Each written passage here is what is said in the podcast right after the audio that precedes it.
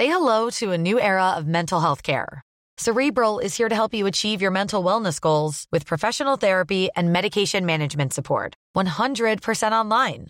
You'll experience the all new Cerebral Way, an innovative approach to mental wellness designed around you. You'll get a personalized treatment plan from a therapist, prescriber, or both in a safe and judgment free space. Your cerebral therapist or prescriber will outline a customized plan with clear milestones along the way so you can get to feeling your best. With Cerebral, you're not alone in your mental health journey. We're here to empower you to live a fulfilling life.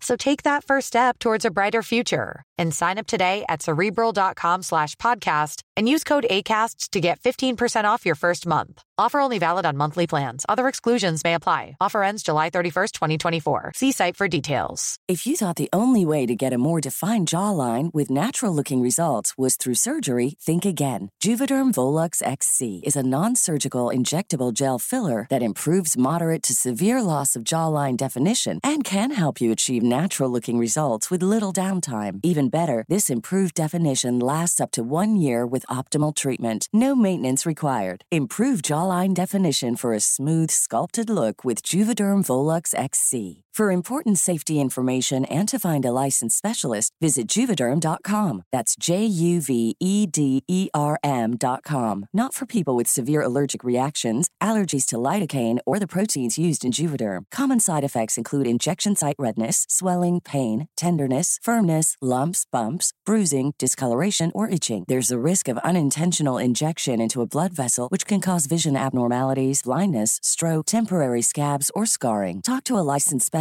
to find out if it's right for you. Ryan Reynolds here from Mint Mobile. With the price of just about everything going up during inflation, we thought we'd bring our prices down. So to help us, we brought in a reverse auctioneer, which is apparently a thing. Mint Mobile unlimited premium wireless. Ready to get 30, 30, bit to get 30, bit to get 20, 20, 20, bit to get 20, 20, bit to get 15, 15, 15, 15 just 15 bucks a month. So, Give it a try at mintmobile.com slash switch. $45 upfront for three months plus taxes and fees. Promo rate for new customers for limited time. Unlimited more than 40 gigabytes per month. Slows. Full terms at mintmobile.com.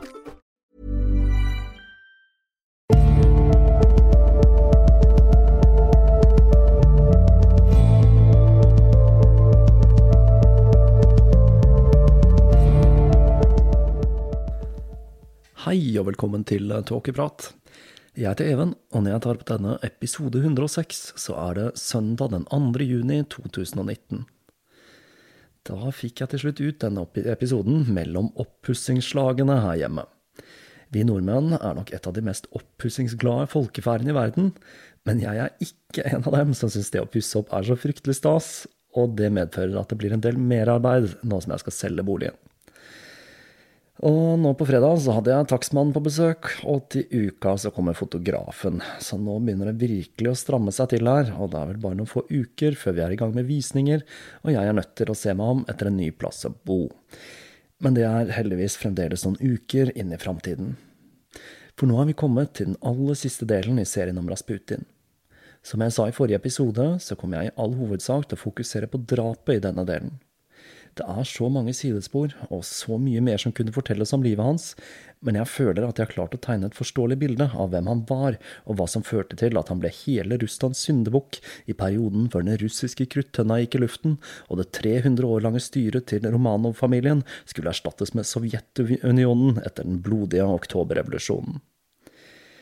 Dette har vært en utfordrende serie å jobbe med, og det føles derfor litt godt at jeg er kommet til veis ende, og endelig kan ta for meg et av de mest omtalte drapene i historien, og kanskje den mest kjente hendelsen i livet til Rasputin.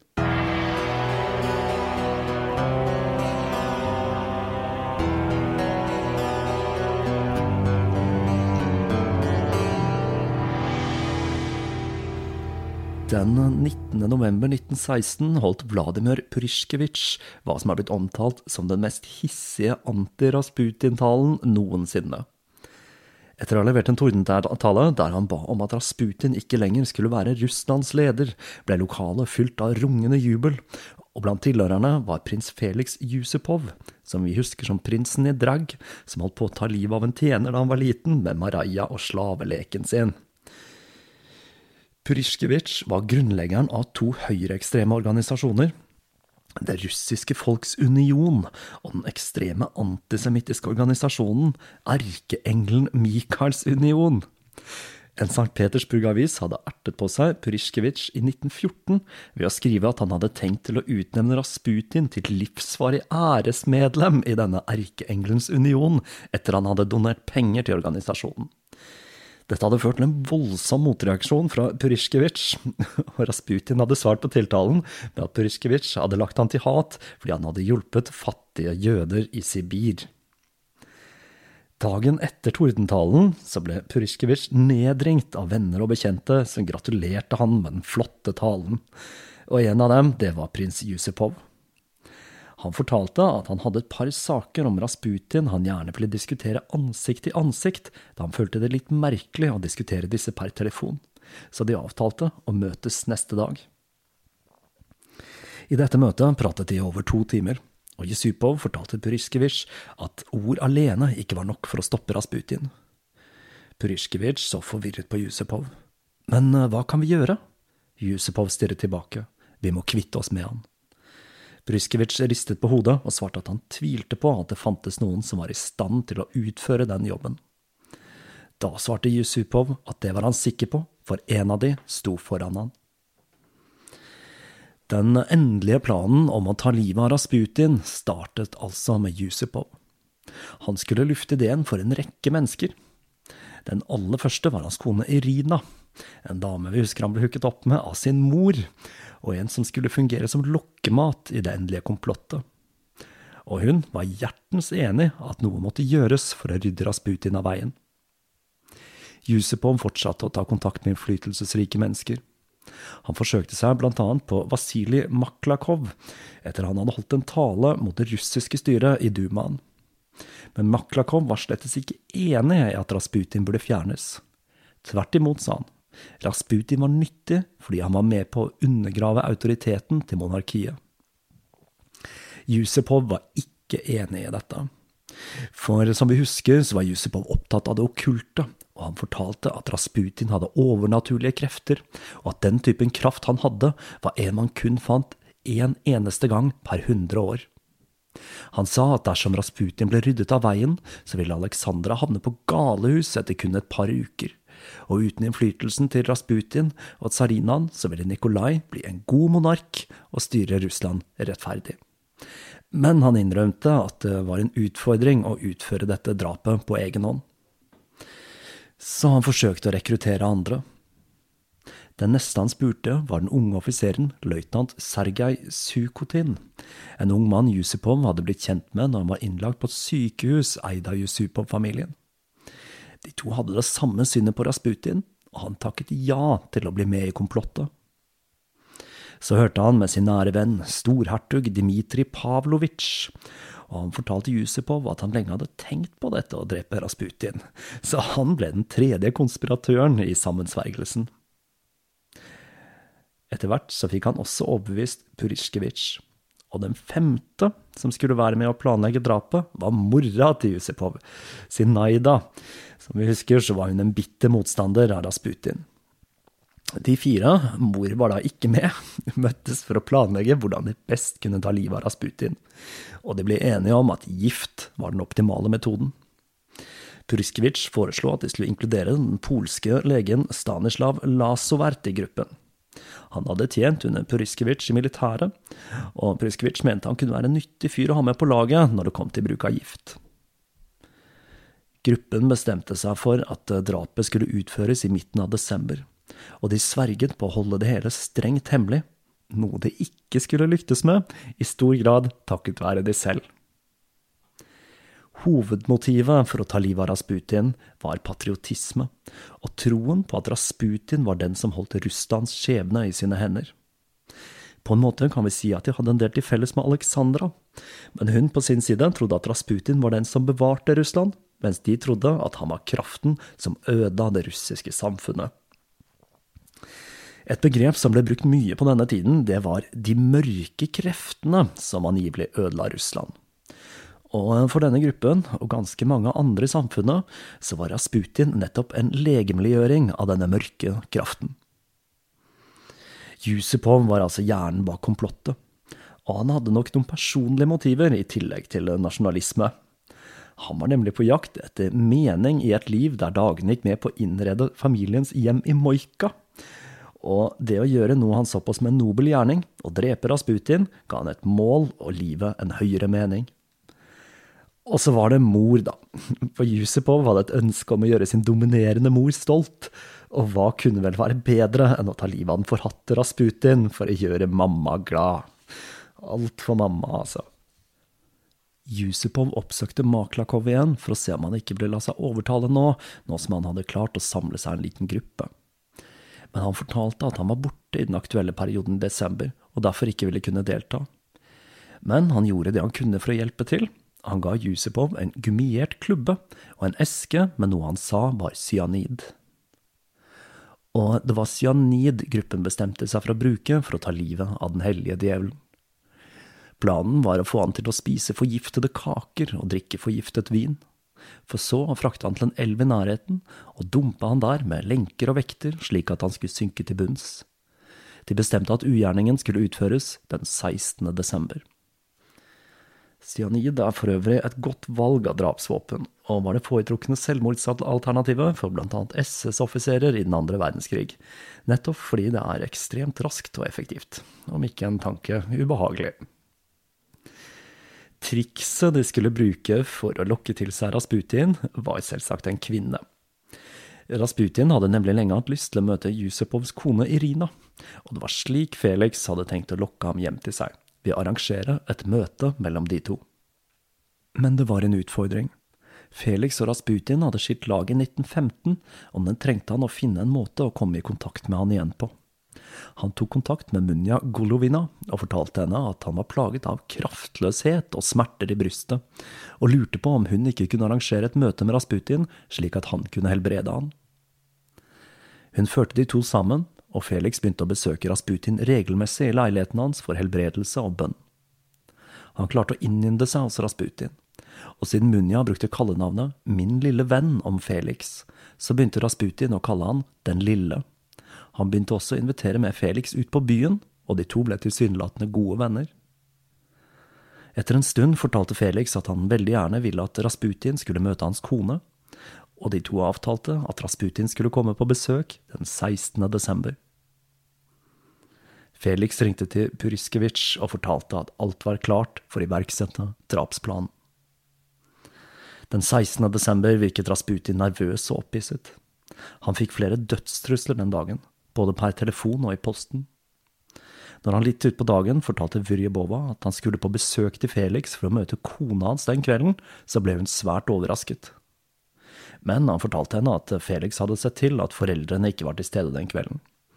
Som vi husker, så var begge hissige Rasputin-motstandere, og dette hadde ført til en splittelse mellom Jusipov og Romanov-familiene.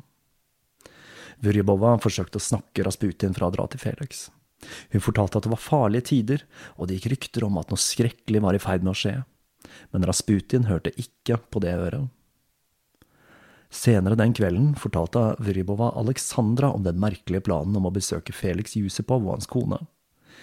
Alexandra mente at dette måtte dreie seg om en misforståelse, for Felix' kone, hun var nemlig på Krim. Klokka 23.00 hadde alle gjestene i Rasputins leilighet dratt hjem og han begynte å kle seg om til fest med en brodert skjorte, fløyelsbukser og blankpolerte støvler.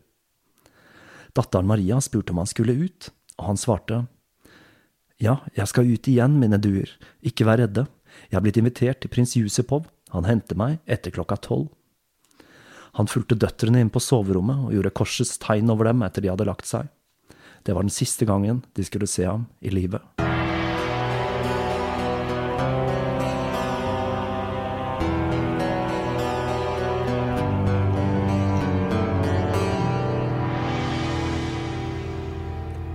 Klokken 01.00 ringte det på bakdøren, og der var Felix Jusipov kledd i en lang hjorteskinnsfrakk og en bredbremmet fjærhatt.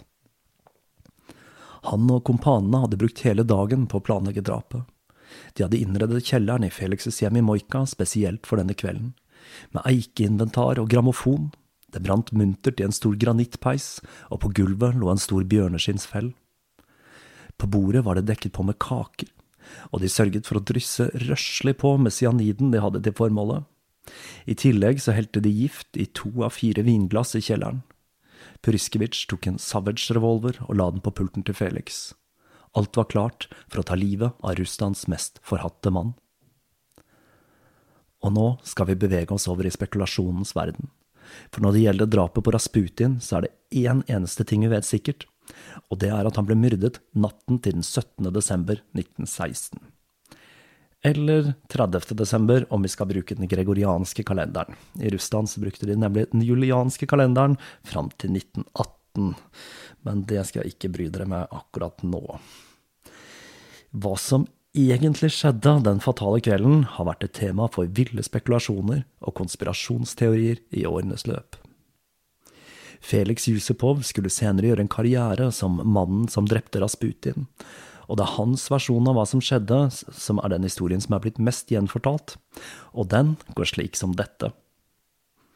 Rasputin og Felix gikk ned i kjelleren, hvor Jusupov tilbød han de forgiftede kakene. Rasputin la i seg men effekten uteble. Så spurte han etter Madeira, og Felix tilbød han et glass med forgiftet vin. Felix kunne bare se storøyd på mens Rasputin helte i seg hele tre glass uten at giften hadde noen virkning. De to stirret på hverandre, og Rasputin sa, Ah, nå skjønner jeg, du kaster bort tiden min, du kan ikke gjøre noe med meg. Hvorpå han ba Felix finne, finne fram gitaren og synge noen russiske viser. Tiden gikk. Klokka 02.30 sa Felix at han skulle gå opp og sjekke hvordan det gikk med kona og gjestene. Når han kom opp, så fant han fram revolveren. Om giften ikke virket, så måtte han skytes, for én ting var sikkert, Rasputin skulle dø denne natten.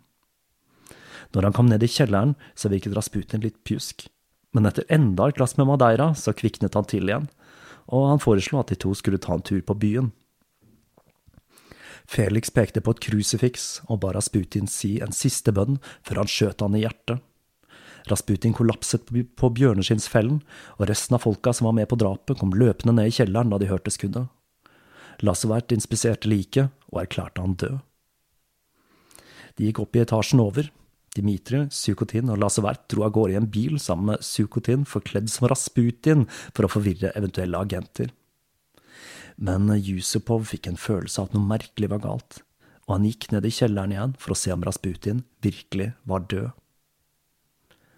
Da så han at ansiktet begynte å bevege seg, og det venstre, så det høyre øyet, åpnet seg. Rasputin stirret hatsk på Felix med to grønne slangeøyne, før han spratt opp på føttene med et vræl og grep tak i skuldrene til Felix med et jerngrep. Felix forteller i sine memoarer at han i det øyeblikket skjønte hvem Rasputin egentlig var.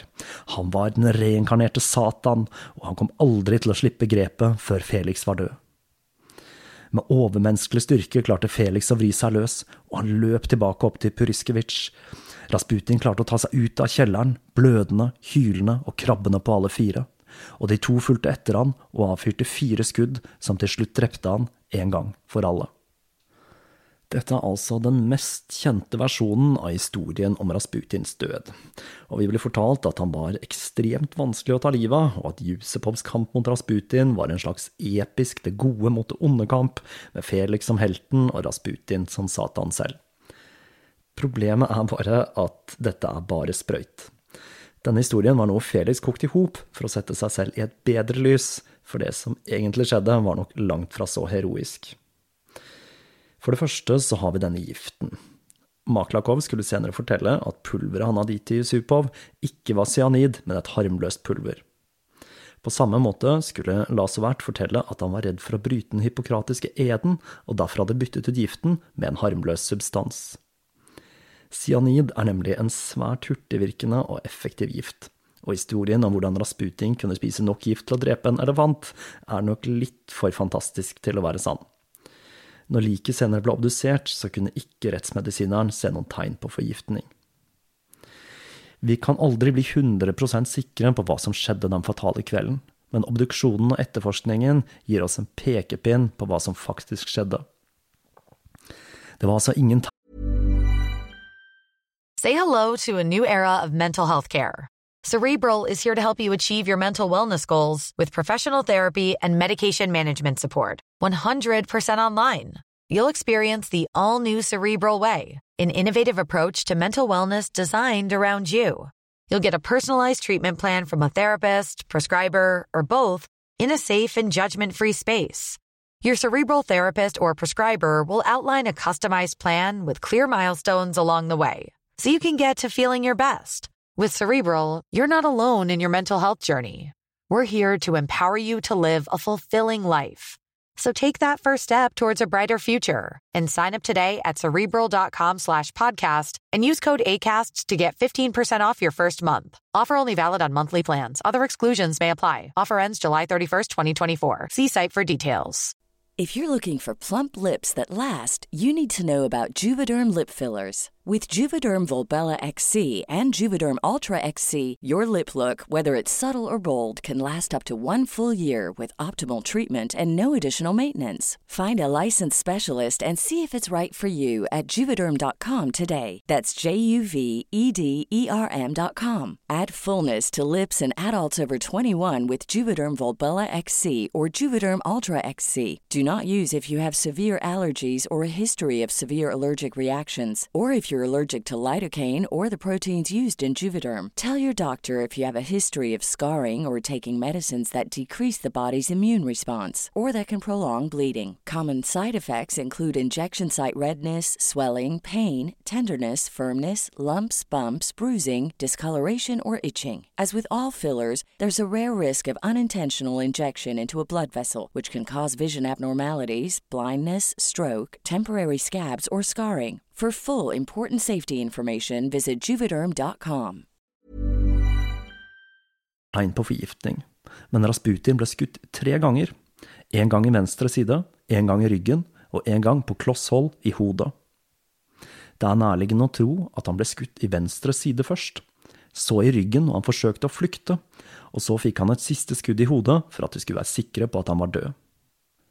Det som ser ut til å ha skjedd, er at han fikk det første skuddet i kjelleren, hvorpå han flyktet ut før han ble skutt i ryggen, og så fikk det siste skuddet i hodet når han lå nede.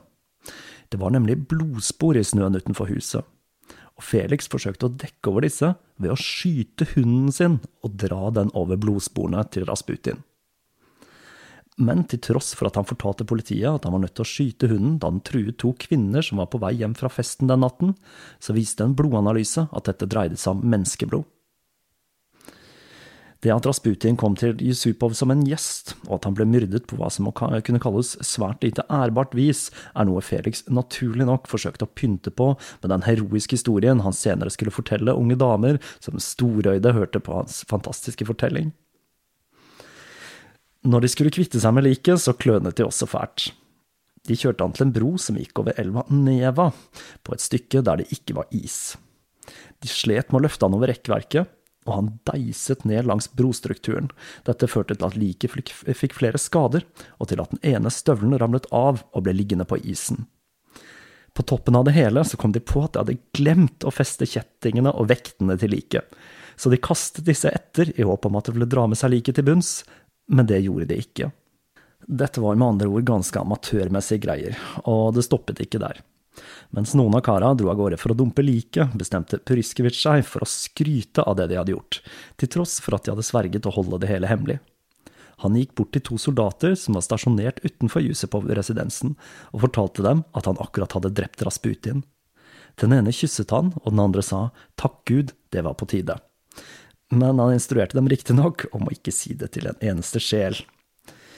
Senere så skulle Felix forsøke å bortforklare dette med at Puriskevitsj var full, og at han egentlig pratet om hunden som var blitt skutt. Planen var å forgifte Rasputin, og en av grunnene til akkurat det valget av våpen var at gift er stille. Skuddene hadde blitt hørt av politiet, og klokka 04.00 fikk politimannen Vlasiuk, som hadde hørt det bli avfyrt, øye på Jusupov. Og han spurte om han hadde hørt skuddene, men Felix nektet. Politimannen gikk tilbake til posten sin, men like etter så kom Businski og fortalte han at Felix hadde noe han gjerne ville fortelle. Han ble ført inn til Felix, som satt på kontoret sitt sammen med en gruppe menn, og det lå en tung stillhet over huset. Etter å ha forsikret seg om at politimannen var ortodoks og russisk, så sa Felix det rett ut. Rasputin er død, og hvis du elsker tsaren og moderlandet, er det best du holder dette for deg selv og ikke forteller det til noen. Vlasik gikk litt forvirret tilbake til posten sin. Var dette en slags prøve? Han var usikker, men det gikk ikke så veldig lang tid før han rapporterte hendelsen til sine overordnede.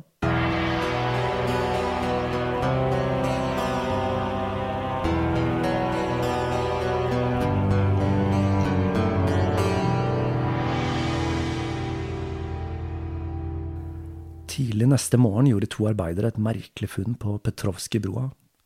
De så at det var blod på rekkverket, og når de kalte til seg sjefen sin, Fjodor Kusmin, så oppdaget han mer enn bare blodet, men også en støvel som lå på isen. Støvelen ble vist til Rasputins døtre, som bekreftet at den tilhørte deres far. Felix ble avhørt, men han forsøkte å vri seg unna med historien om hvordan han hadde skutt hunden sin. Når politiet fortalte at de hadde tatt prøver av blodet, og at dette dreide seg om menneskeblod, så sa han at det var sikkert Rasputins mordere som forsøkte å legge skylden på han. Han forsøkte å flykte med toget til Krim, men han ble stoppet av politiet, som sa at han ikke kunne forlate byen før saken var blitt oppklart. Han skulle vel til mamma, da, for hun var på Krim. Alexandra reagerte med sjokk og vantro på Rasputins forsvinning.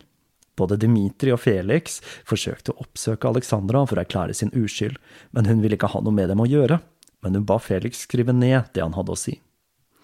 Han skrev et brev der han forklarte at han hadde hatt en fest den kvelden, og at Rasputin hadde ringt og spurt om de skulle bli med ut, noe de ikke hadde gjort. Og så dro han fram historien med hunden igjen, han benektet all forbindelse med drapet, og nektet for noen gang å ha snakket om det. Alt var løgn, og Alexandra, hun lot seg ikke lure. Klokken 11 den 18. desember ble dykkere engasjert i søket. Og den 19. oppdaget en politimann et stykke tøy som stakk opp av isen, 200 meter nedenfor broen. Liket til Rasputin hadde frosset fast til undersiden av isen og måtte hakkes løs. Liket var blitt pakket inn i en pelsfrakk, og det var bundet fast en blå tøysekk som tydelig hadde vært fylt med stein, men denne hadde det gått hull på. Stoffet i sekken skulle være enda et spor som førte til Jusupov og denne pelsfrakken hadde blitt fylt med luft når han hadde dette fra broen, og fungerte som en slags bøye som hadde holdt ham flytende under isen. Og så begynte avisen å rapportere om saken, først med vage antydninger om hvem dette dreide seg om, men de lurte ingen. Obduksjonen ble utført den 21. Liket var svært ille tiltrådt, og Kosorotov, som utførte obduksjonen, sa at selv om han var vant til å obdusere lik, så var det få ganger han hadde funnet en obduksjon så utfordrende som den til Rasputin. Liket hadde blitt stygt forslått på vei ned fra broen, og deler av hodet var knust og øret var revet av, og det enorme såret i hodet etter det siste skuddet gjorde at obduksjonen, som ble utført til lyset fra parafinlamper, var en minneverdig opplevelse for Koserotov. Det var altså ingen spor etter gift, og den endelige dødsårsaken var skuddet som var blitt avfyrt på kloss hold mot hodet. Liket til Rasputin ble pakket i hvit lin og lagt i en kiste av sink sammen med tørkede blomster og et ikon. Han ble gravlagt i en kirke Vyrjebova hadde fått reist i Tsarsko Selo, hvor Rasputin selv hadde lagt grunnsteinen. Liket skulle senere graves opp, brennes, og asken ble spredt slik at ingen tilhengere skulle ha en grav å dra til. Etter revolusjonen så fant man et dikt skrevet til Alexandra, og her er et par strofer. Forfulgt av den ville og vulgære trengsel, av grådige hunder som kravler rundt tronen, hans grånende hode er nå for alltid blitt lagt ned, av verktøy i hendene til en ukjent frimurer. Drept, hva er vitsen med å sørge, eller sympati, som åpenbart er uoppriktig? Det er enten latter eller forbannelser over liket, eller en enslig, brennende, varm tåre må hans sjel finne fred og det himmelske paradis, og evig minne og englenes kyss, for hans ærlige og rettskaffende jordiske vei, og over hans grav hulkene til de som er blitt etterlatt. De som hadde trodd at det å drepe Rasputin ville få Russland på rett kjøl igjen, tok fryktelig feil, og i begynnelsen av 1917 sto landet overfor en total kollaps. Gatene var fylt opp av demonstranter, og soldatene som var satt inn for å slå ned på opptøyene, valgte selv å slutte seg til demonstrantene og vendte seg nå mot sine tidligere overordnede. Revolusjonen var i gang. Kaos rådet, og den 15. mars 1917 så Nikolai seg nødt til å abdisere, og det markerte slutten på det 300 år lange styret til Romanov-familien. Nikolai ønsket å dra i eksil i England, noe britiske myndigheter først sa ja til, men dette førte til massive protester i England, og tilbudet ble trukket tilbake i april. Romanov-familien bosatte seg i herskapshuset til guvernøren i Tobolsk fram til april 1918. Planen var at de skulle være skjermet fra revolusjonen fram til de kunne bli sendt utenlands. Men Nikolai hadde undervurdert situasjonen, og den 30. april ble de fraktet til Jekaterinburg, hvor de ble fengslet i et toetasjes hus. Den 17. juli ble familien vekket klokka 02.00. De kledde på seg og ble ført ned i kjelleren. De ble fortalt at dette var for deres egen sikkerhet. I rommet ved siden av ventet en gruppe med syv kommunister og tre lokale bolsjevikere under ledelsen til Jakov Jurovskij. Jurovskij og soldatene hans gikk inn i rommet der Nikolai, Aleksandra og barna ventet. Kamerater av arbeiderne av Ural-Sovjet har bestemt at dere skal henrettes. Nikolai forsto først ikke hva som ble sagt, og ordene måtte gjentas. Nikolai var den første som ble drept. Han ble skutt med håndvåpen, Barna ble først stukket med bajonetter, før de fikk hvert sitt skudd i hodet for å sikre at de var døde. Likene ble fraktet ut i skogen. Da soldatene kledde av de, oppdaget de at Alexandra og jentene hadde juveler sydd inn i undertøyet. Etter de hadde skjendet liket til Alexandra, ble familien dumpet i et hull som ble sprengt igjen med håndgranater. I tillegg til juvelene så bar Alexandra og døtrene hver sin medaljong tsarinaen hadde fått laget. Den var preget med portrettet til Rasputin, i tillegg til en av bønnene hans. Helt til det siste så hadde de troen på mannen de kalte Vår venn. Likene ble funnet i 1979, men de fant ikke restene etter en av døtrene og tronarvingen. Noe som førte til spekulasjoner og teorier om at Anastasia hadde unnsluppet og fremdeles var i live. En teori som skulle få enda mer vann på mølla når flere falske Anastasiaer dukket opp i årenes løp. Den kanskje mest kjente var Franziska Sjanskowska, som var en polsk fabrikkarbeider med en bakgrunn som psykiatrisk pasient, og som skapte en del furore med påstander om å være tsarens tapte datter. Men alle teoriene om at Anastasia var i live, ble torpedert når to nye lik ble oppdaget i 2007, og disse viste seg å være to av barna til Nikolai og Alexandra. Familien ble kanonisert av den ortodokse kirken utenfor Russland i 1981, og den russisk-ortodokse kirken skulle ta det inn i varmen i år 2000. Drapet på Rasputin fikk få konsekvenser for de som hadde stått bak konspirasjonen. Med abdiseringen til tsaren, og med en ny midlertidig regjering, så var det ingen som hadde interesse av å straffeforfølge Rasputins banemenn. Jusipov skulle meske seg med sin nye identitet som Rasputins drapsmann. Han hadde storslåtte middagsselskaper i kjelleren der drapet fant sted. Han underholdt gjestene med historien om Rasputin med slangeøynene, som var så notorisk vanskelig å drepe men eh, noen kaldere hoder var på besøk hos Yusupov.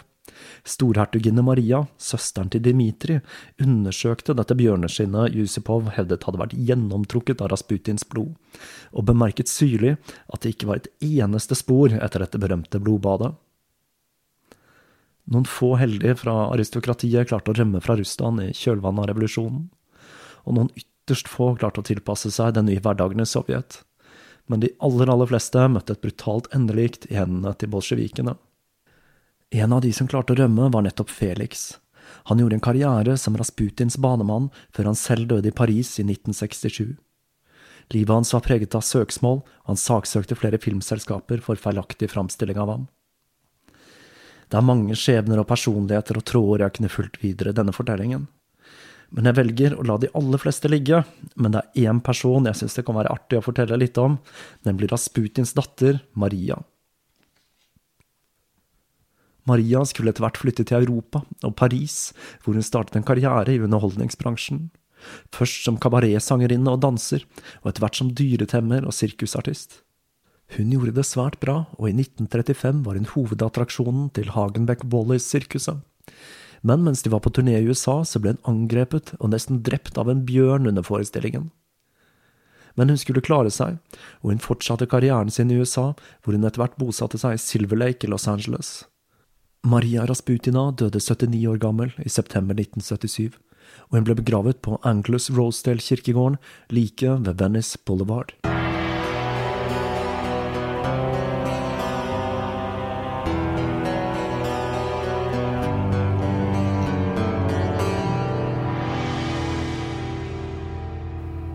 Og det var den siste delen i serien om Grigori Rasputin. Når jeg startet denne serien, så hadde jeg ikke gjort meg opp en klar mening om Rasputin, men det har jeg nå. Rasputin er en person det er svært vanskelig å få tak på, og det eksisterer ekstremt mye litteratur om han av svært varierende kvalitet. Det å jobbe med denne serien har gjort at jeg har blitt nødt til virkelig å sette meg inn i livet hans for å forstå hva som gjorde at han fikk den statusen han fikk. Jeg tror at Rasputin hadde en genuin religiøs opplevelse som førte han ut på disse pilegrimsferdene, og at han på disse begynte å utvikle sin egen tilnærming til den ortodokse lære. Selv om han har forsøkt å knytte Rasputin opp mot klustiene, så er det lite som tyder på at dette er tilfellet.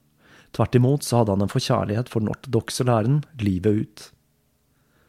Det Rasputin forfektet i sin tolkning av troen, var at man måtte søke det guddommelige i hverdagen og i livet utenfor de religiøse institusjonene.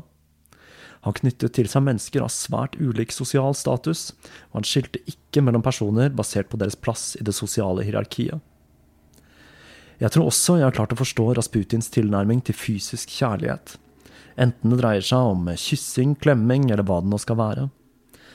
Jeg vil tro at han så på fysisk kjærlighet som en manifestasjon av det guddommelige i det hverdagslige, og at han faktisk gjorde dette med de beste intensjoner, men at denne praksisen hadde en tendens til å skli ut når fristelsen ble for stor. Men han var en sammensatt og komplisert person, og han gikk heller ikke av veien for å la ego styre, og skrøt av sine mange kjente bekjentskaper i St. Petersburg ved flere anledninger. En ting jeg tar med meg, er at det definitivt var noe spesielt med Rasputin. At det var noe spesielt med øynene hans, er det liten tvil om. Ikke bare har vi beskrivelsene til de som møtte han, men på de mange fotografiene som fins, så er det helt tydelig at det er noe gjennomtrengende og mystisk med måten han ser på deg på. Jeg sitter også med det inntrykket at han må ha hatt en veldig sterk personlighet. Jeg har spesielt sansen for måten han behandlet alle som kom like menn på, uansett hvor høyt på strå de var. Og en ting som går igjen i historiene, er at de som forsøkte å manipulere han, fant raskt ut at dette ikke var så lett. Rasputin var slett ingen tåpe, og til tross for at han var en bonde fra Sibir, så hadde han en dyp innsikt i hjemlandet og menneskene som bodde der. Samtidig så hadde mange, og spesielt Alexandra, en tro på at han hadde spesielle evner. Selv Gusepov beskriver hans evner som bemerkelsesverdige i den perioden hvor han forsøkte å innynde seg hos Rasputin like før drapet. Fortellingene om Rasputin er den om en mann som kom fra enkle kår, og som nærmest på mirakuløst vis klarte å klatre seg opp og bli tsaren av tsarinaens nærmeste betrodde. Det er også historien om en starett som lot seg forføre av storbylivets mange fristelser, og en som etter hvert vendte seg mer og mer bort fra religionen, før han møtte sitt brutale endelikt, 47 år gammel, i en av de mest turbulente fasene i russisk historie. Og med det gjenstår det bare for meg å takke for meg for denne gang, og takke alle dere som har fulgt denne historien om Rasputin. Neste gang dere hører Bonnie M synge Rasputin, så vet dere at teksten er basert på fremstillingen av Rasputin slik Iljodor beskrev han i sin bok, og at den boka faktisk ble skrevet i Bogstadveien. Når neste episode kommer, er litt usikkert på grunn av at ting står litt på hodet her om dagen. Jeg har planlagt iallfall én serie til før sommeren. Ikke like lang som Rasputin-serien, riktignok, men vi får nå se hva jeg får til. Det kan tenkes at det blir episoder litt i rykk og napp fram mot sommeren. Så fram til neste gang vi høres, så vil jeg ønske dere en god sommer, nå som en av mine norske favoritter er like om hjørnet, nemlig fellesferien.